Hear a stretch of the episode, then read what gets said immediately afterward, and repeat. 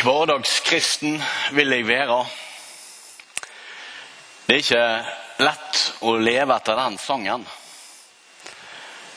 Og det tror jeg eh, dagens eh, del av Johannesevangeliet òg viser. At det har vært vanskelig i all den tid.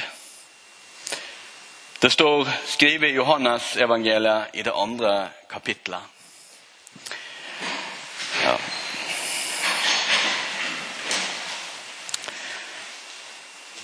Det nærmer seg nå påskehøgtida til jødene, og Jesus gikk opp til Jerusalem.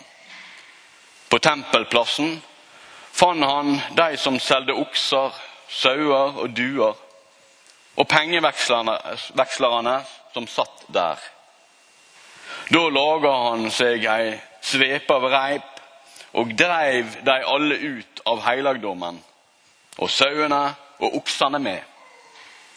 Myntene til pengevekslerne kaster han utover og velter borda deres. Og til de som selger duer, sa han, få dette ut herifra. Gjør ikke huset åt far min til en marknadsplass. Læresveinene hans huksa at det står skrevet brennende iver for ditt hus vil tære meg opp. Da tok jødene til orde og spurte han, kan du vise oss et tegn på at du har rett til å gjøre dette? Jesus svarer, riv ned dette tempelet, og jeg skal reise det opp igjen på, tre dager. Da sa jødene, i 46 år har de bygd på dette tempelet, og du vil reise det opp igjen på tre dager?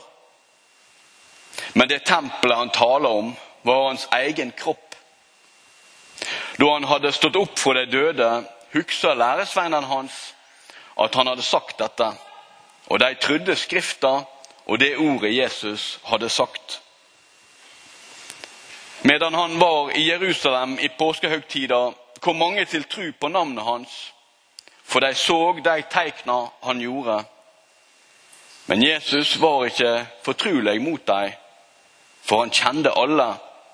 Og han trong ikke at noen skulle vite, vitne om mennesket. Hva som bodde i mennesket, visste han sjøl. Slik lyder Herrens ord. Vær så god.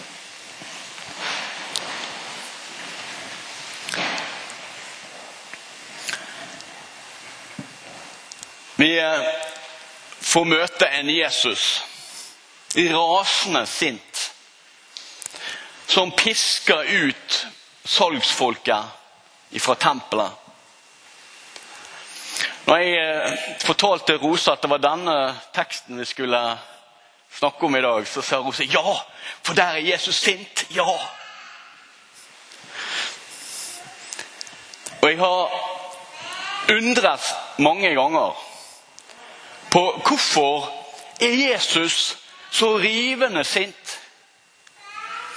i denne situasjonen, når han er så utrolig rolig i andre situasjoner der jeg føler meg rivende sint.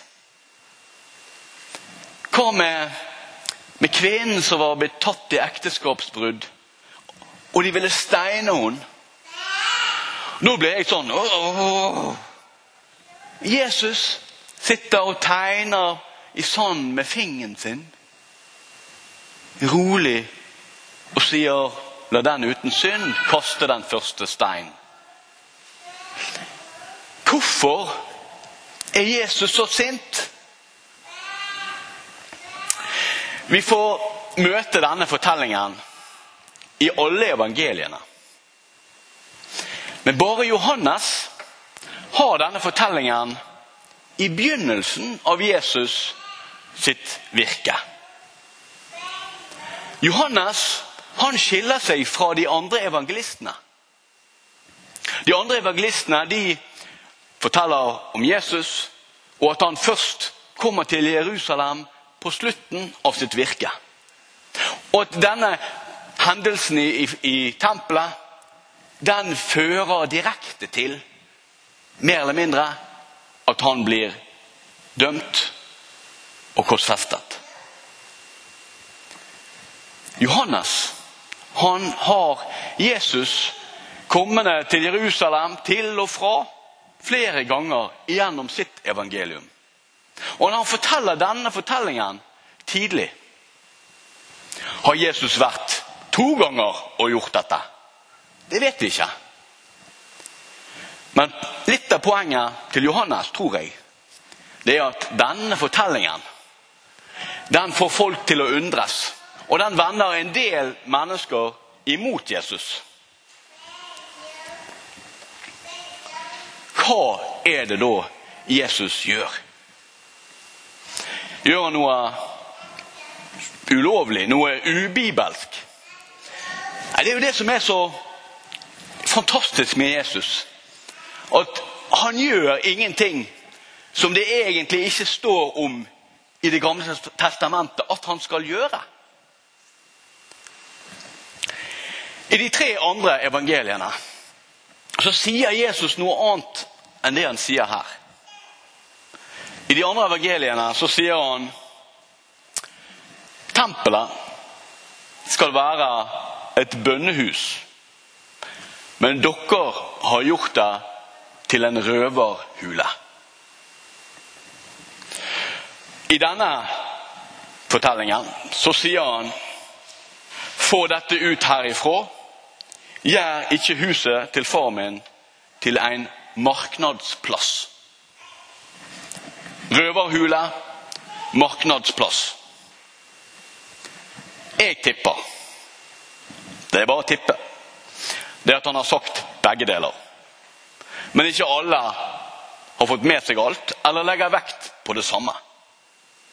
Jeg vil anta at det tok litt tid å drive alle ut, og at han sa en del forskjellige ting i den prosessen.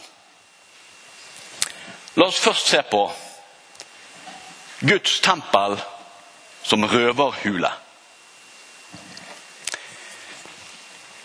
Jesus han viser tilbake til Jeremia sine ord. I kapittel 7 sier Jeremia dette. Sjå, det stoler på falske ord som ikke kan hjelpe. Det stel, slår i hjel, bryter ekteskapet, sver falskt, tenner offereld for Baal og følger andre guder som de ikke kjenner. Og så vil det komme og stå for mitt anlet i dette huset, som navnet mitt er ropa ut over, og sier, vi er berga, sjøl om det gjør dette avskyelige. Har det blitt ei røverhåle i dykkar øyne? Dette huset som navnet mitt er ropa utover? Også jeg kan sjå, sier Herren. Det Jeremia beskylder israelittene for, det er å leve De lever sånn som de vil. Og så kommer de og gjemmer seg i tempelet. Der bærer de fram offer og, og tenker ja, vi skjuler oss her. For så å gå ut igjen og leve akkurat som før. En røverhule er jo egentlig en plass der røvere gjemmer byttet sitt. Og gjemmer seg for de som skal ta de til rettes. For så å komme ut igjen og late som ingenting.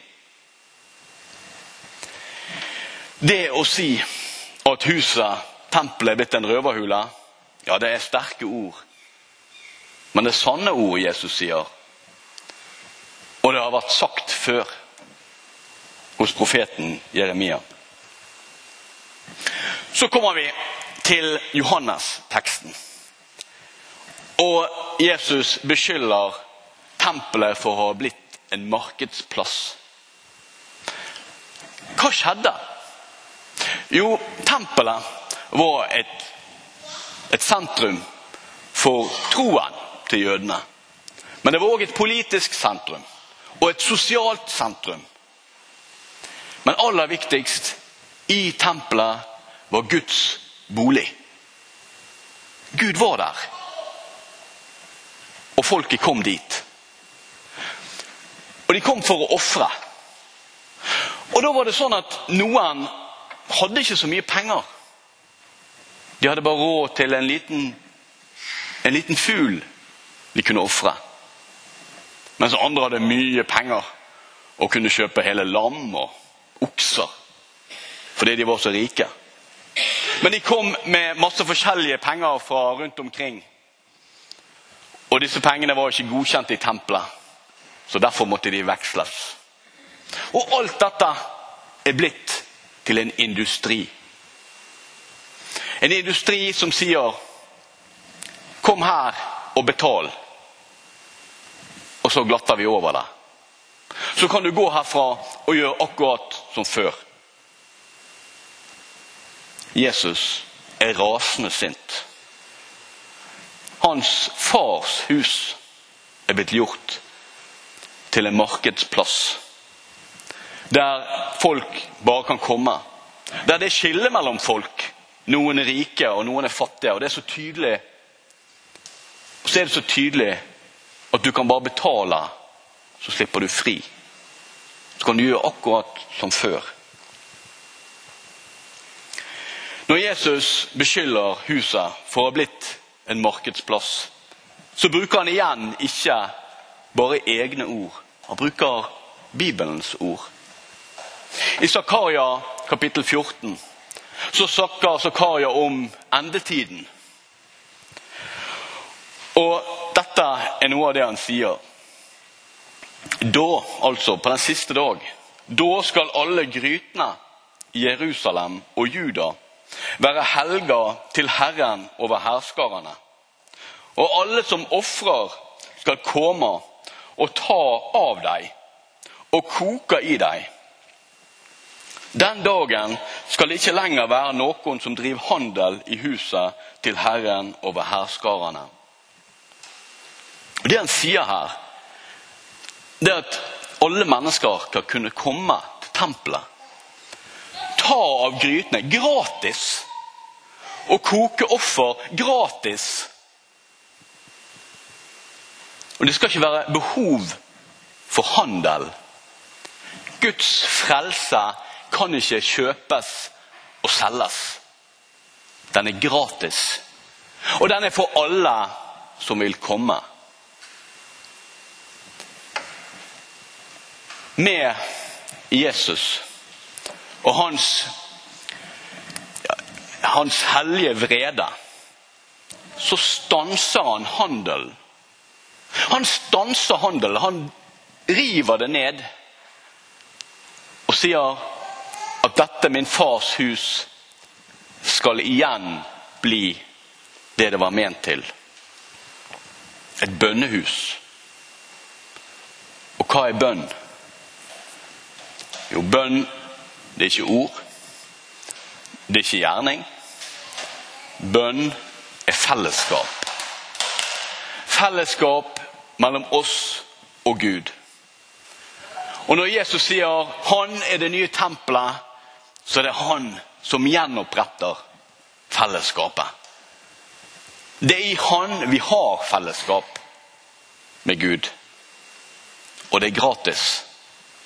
Det er han som betaler det eneste offeret som trengs. Og det betaler han med sitt eget kjøtt og sitt eget blod. Så du og jeg kan ta imot gratis. Det kreves ingen inngangspenger. Om du er fattig eller rik, om du har ressurser eller ikke. Det er for alle. Så leste Ane, min datter, om at vi er blitt tempelet. Troen på Jesus, som bor i oss, den er ment til å deles. Den er ment til å skape fellesskap. Og det er det jeg syns er så vakkert med at akkurat du valgte å komme i dag. For fellesskapet. Ikke for å prestere noe. Ikke for å måtte betale noe, men for å ha fellesskap i troen på Jesus Kristus. Og den kan vi dele her. Den kan vi dele i heim, skole, arbeidsplass, som vi sang i sangen, kjøkkenbenk. Det er ingen grenser for hvor vi kan ha fellesskap i troen. I bønnegrupper, i husgrupper, i familien. Hvor som helst. Der vil Jesus være, midt iblant oss. Jesus, han ødela handelen. Han sa at Guds ord, Guds frelse, kan ikke kjøpes og selges. Og da klinger det igjen det Martin Luther snakket om. Der han brøt ned avlatshandelen. For ved tro er vi frelst. Ved nåde. Så vi ikke skal skryte av gjerningene våre, men leve i Guds nåde. Det er Han som har gjort alt. Og det er det vi tror. La oss nå reise oss og vedkjenne oss vår hellige tru.